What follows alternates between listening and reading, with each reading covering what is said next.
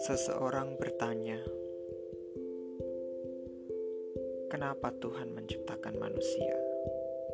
Kenapa Tuhan harus menciptakan alam semesta?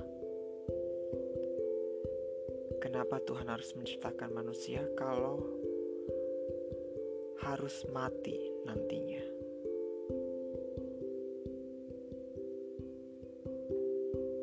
Mendengar satu pertanyaan seperti itu, ada seorang yang dianggap gila, dianggap sebagai orang yang melenceng, dianggap sebagai orang yang tersesat, memberikan jawabannya.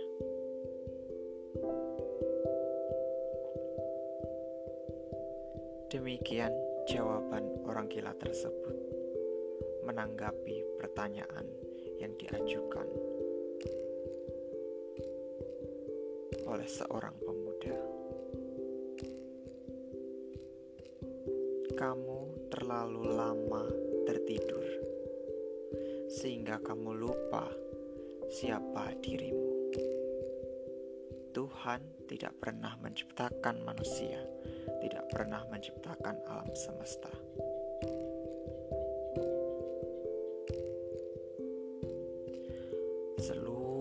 Alam semesta adalah Tuhan itu sendiri.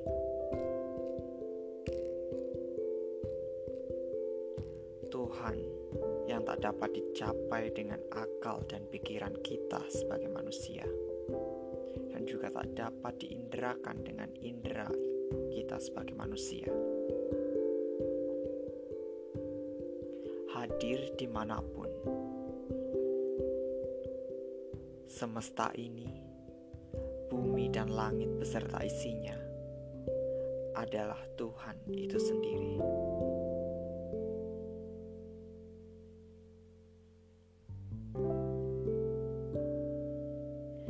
Dan manusia, mereka pun sama.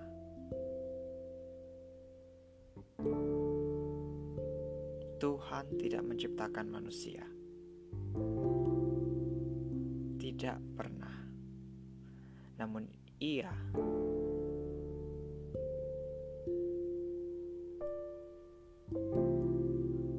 menciptakan dirinya sendiri dalam berbagai macam wujud, berbagai macam rupa, berbagai macam identitas.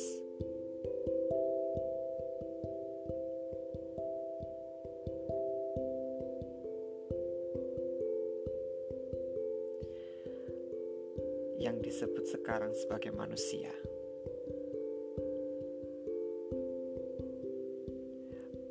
Manusia diturunkan ke bumi bukan hanya untuk hidup, makan, dan beranak pinak,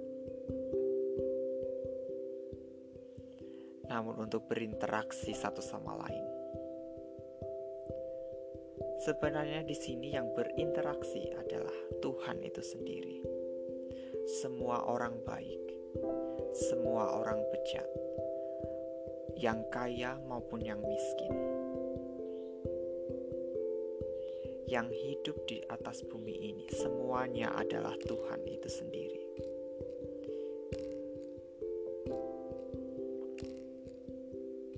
Tuhan adalah yang bermain dalam pementasan drama ini dan Tuhan juga yang memainkan atau sebagai atau sebagai sutradara dari kisah ini. Ia juga tokoh di belakang panggung.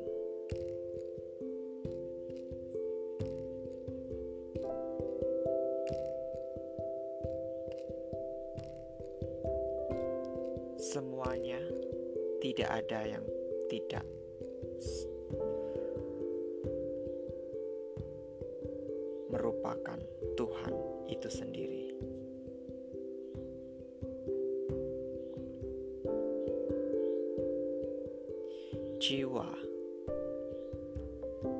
dalam badan ini, hidup dalam badan manusia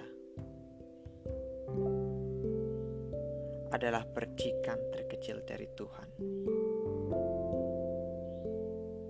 Namun ia bukan Tuhan. Karena ia hidup di dalam daging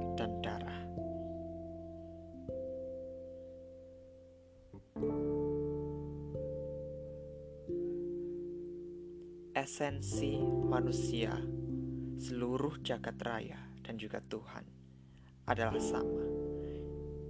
Semuanya bersumber dari satu sumber yang sama.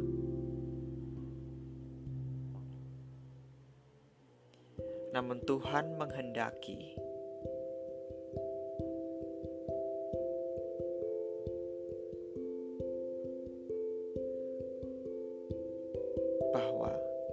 ingin berinteraksi dengan dirinya sendiri.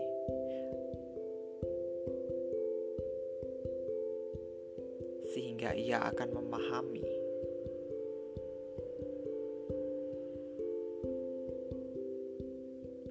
siapa sejatinya dirinya.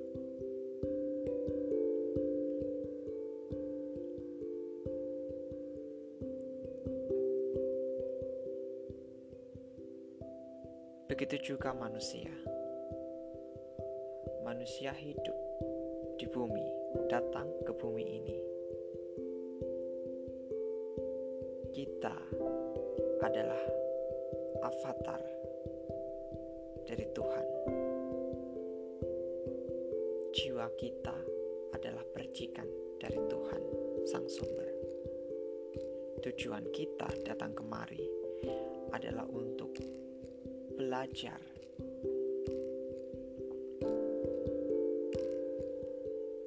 Dan terus belajar. Sampai akhirnya kita akan tahu siapa diri kita yang sebenarnya. Ini diperlukan karena ketika Tuhan berada pada titik yang tak dapat diperkirakan oleh pikiran manusia, sesuatu yang transenden.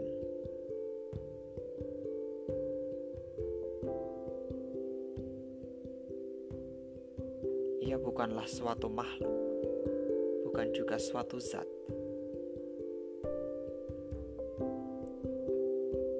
Ia adalah keberadaan yang rumit mustahil untuk dipahami.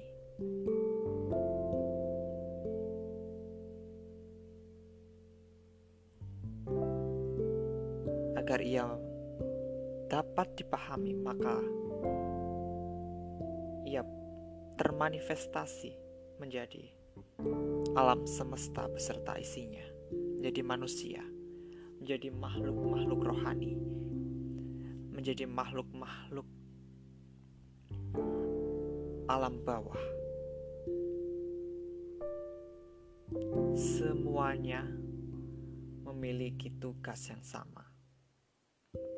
Satu benang merah yang sama, yaitu untuk belajar dan mengenali diri yang sejati. Entah itu malaikat, iblis, dewa dewi, ataupun manusia. Sebagai manifestasi, sebagai avatar, sebagai ekspresi dari sang sumber, kita saling terhubung satu sama lain.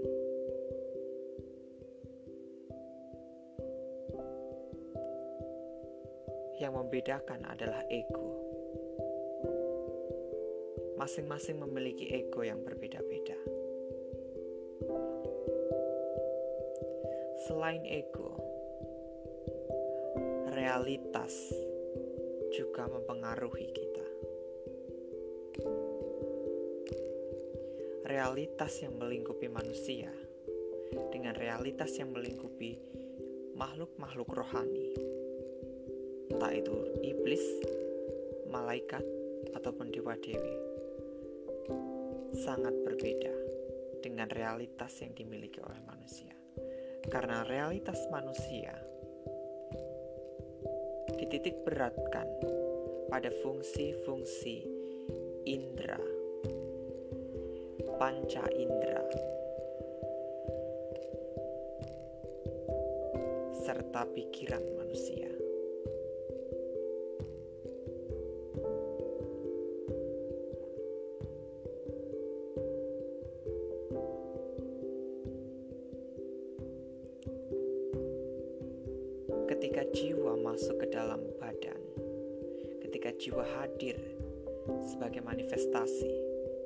Inkarnasi dalam darah dan daging,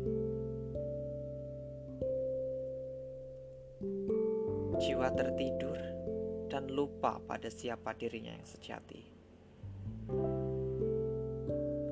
sehingga menganggap bahwa badan adalah diri yang sejati. Sehingga menganggap badan adalah identitas dirinya.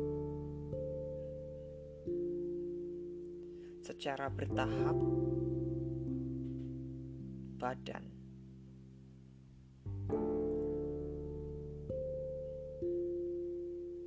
mulai mengakui sisi identitas-identitas lainnya yang lambat laun semakin mengikat semakin mengekang jiwa sehingga ia semakin terlelap. Agama, jenis kelamin, gender, pandangan politik, suku bangsa,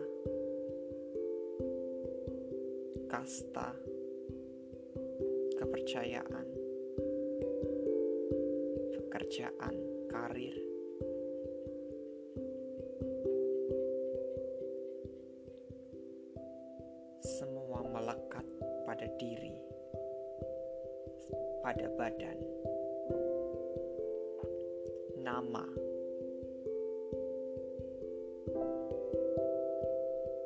kita menganggap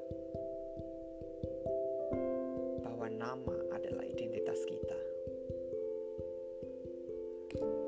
Padahal nama tidak lebih dari sebuah ornamen yang kita pasang pada baju kita. Begitu juga dengan label-label atau identitas lainnya. Semuanya hanyalah sebuah ornamen, sebuah perhiasan yang dikenakan.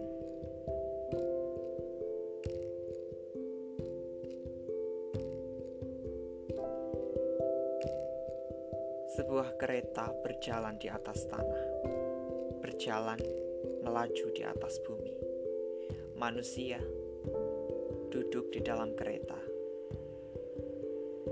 Manusia pemilik dari kereta tersebut. Namun, manusia tidak melekat, tidak tertambat kepada kereta tersebut. Sebab saat ia sampai pada tujuannya, manusia ini akan turun dan meninggalkan keretanya. Seperti itulah perjalanan kita.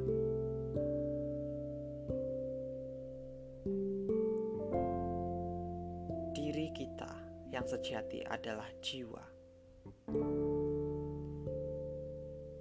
Badan ini tidak lebih dari sebuah kendaraan. Jiwa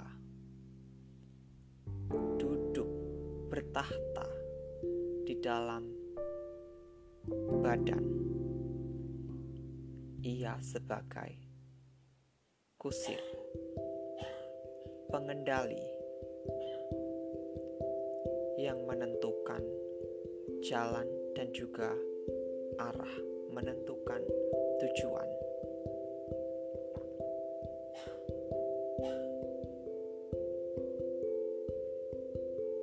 Ketika sampai di tujuan, jiwa akan keluar dari badan dan berjalan menuju tempat tujuannya. Ia tidak membawa keretanya, ia meninggalkan keretanya. Dan tanpa jiwa, badan tak ubahnya seperti kereta ini. Ia akan diam, diam, dan tak melakukan, tak mampu melakukan apa pun.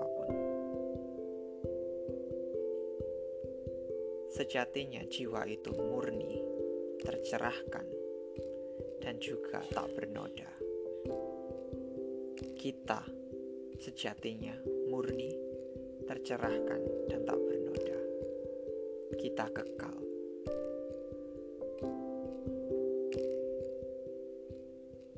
Berbeda dengan badan, berbeda dengan wadah yang kita tempati ini. Ia tercipta diciptakan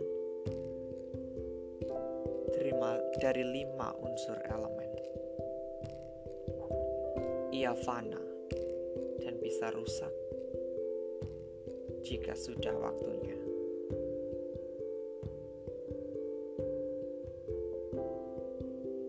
Jiwa membutuhkan badan untuk menjalankan apa yang menjadi tujuannya dalam kehidupan ini, sehingga ia ia juga membutuhkan badan untuk berinteraksi dengan dirinya yang lain. Untuk mempertahankan keberlangsungan dari badan fisiknya, jiwa menggerakkan badan, membuatnya merasa lapar, membuatnya merasa haus, membuatnya merasa lelah.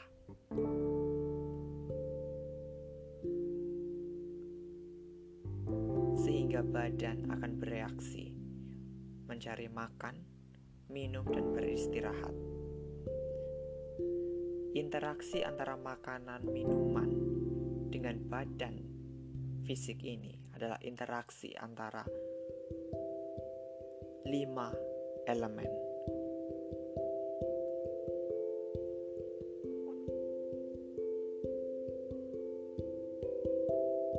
Sehingga badan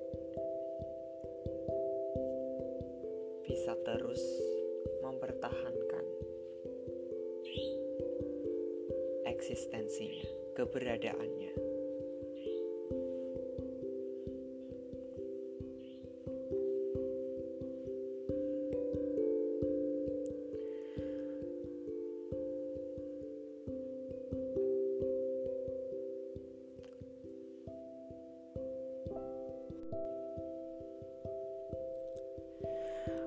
Tuamu mungkin memanggilmu putra.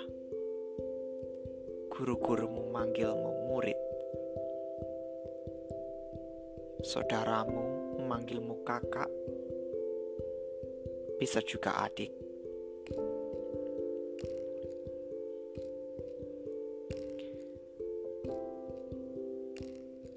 Istrimu akan memanggilmu suamiku. Anakmu akan memanggilmu ayah, dan akan ada orang yang mengatakan kamu adalah miliknya, dan orang lain akan mengatakan kamu bukan miliknya.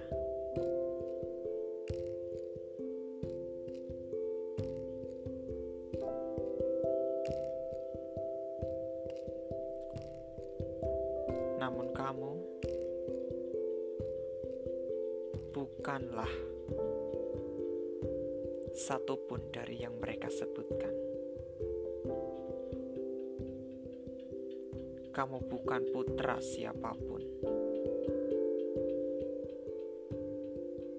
Kamu bukan saudara siapa pun. Kamu bukan suami siapa pun.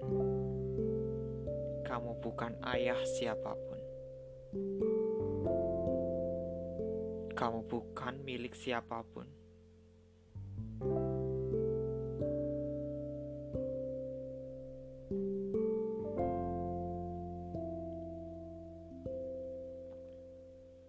sebab kamu adalah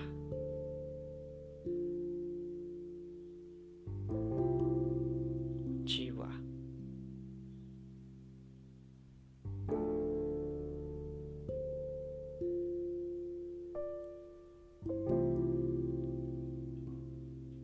Dan kamu adalah percikan dari Tuhan, Sang Sumber.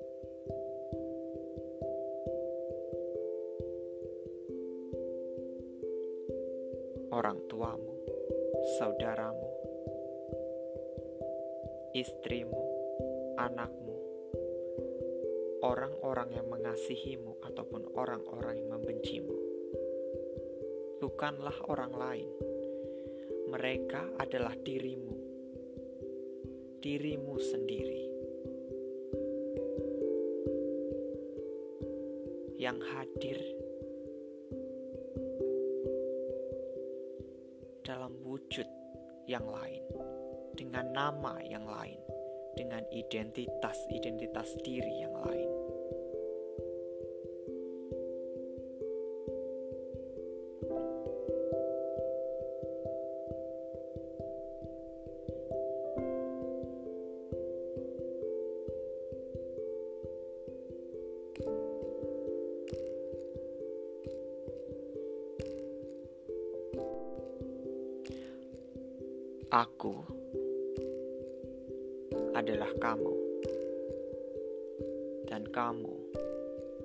Adalah aku.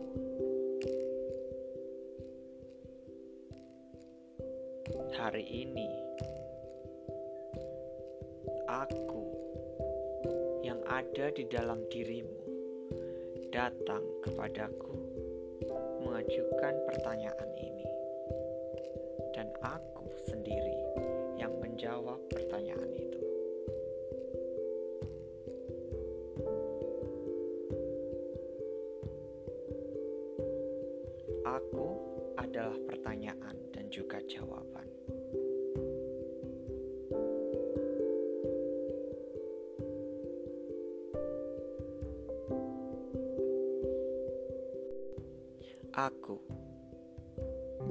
adalah jalan dan tujuan.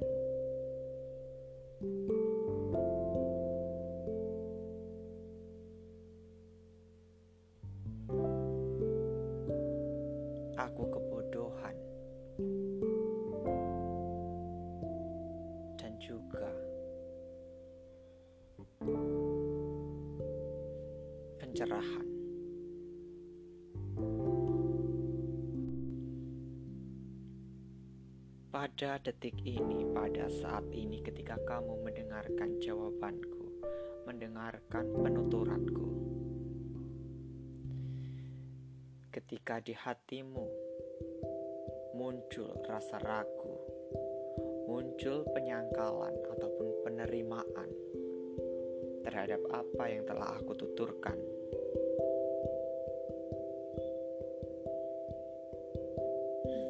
Sejujurnya, sejatinya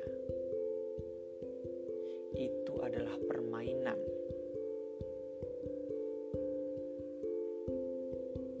Yang aku lakukan,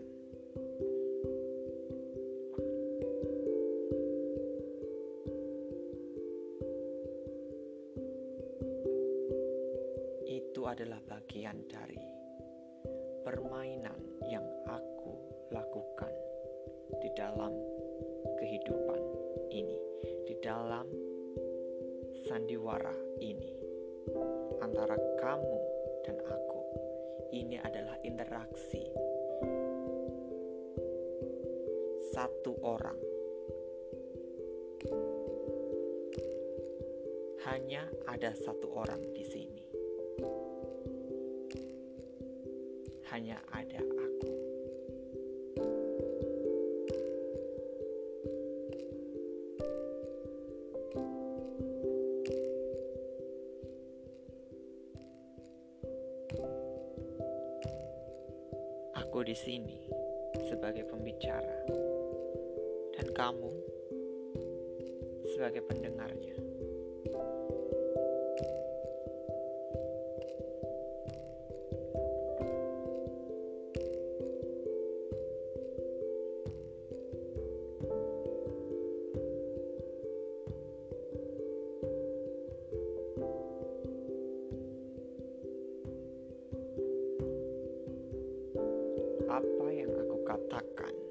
sebenarnya adalah apa yang kamu adalah perkataanmu sendiri.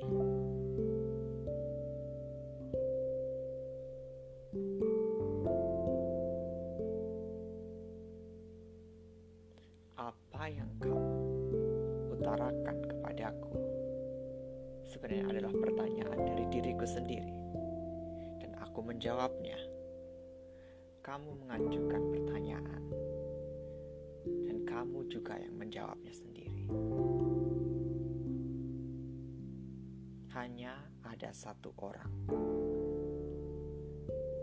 Namun, ia berperan memerankan dua peran.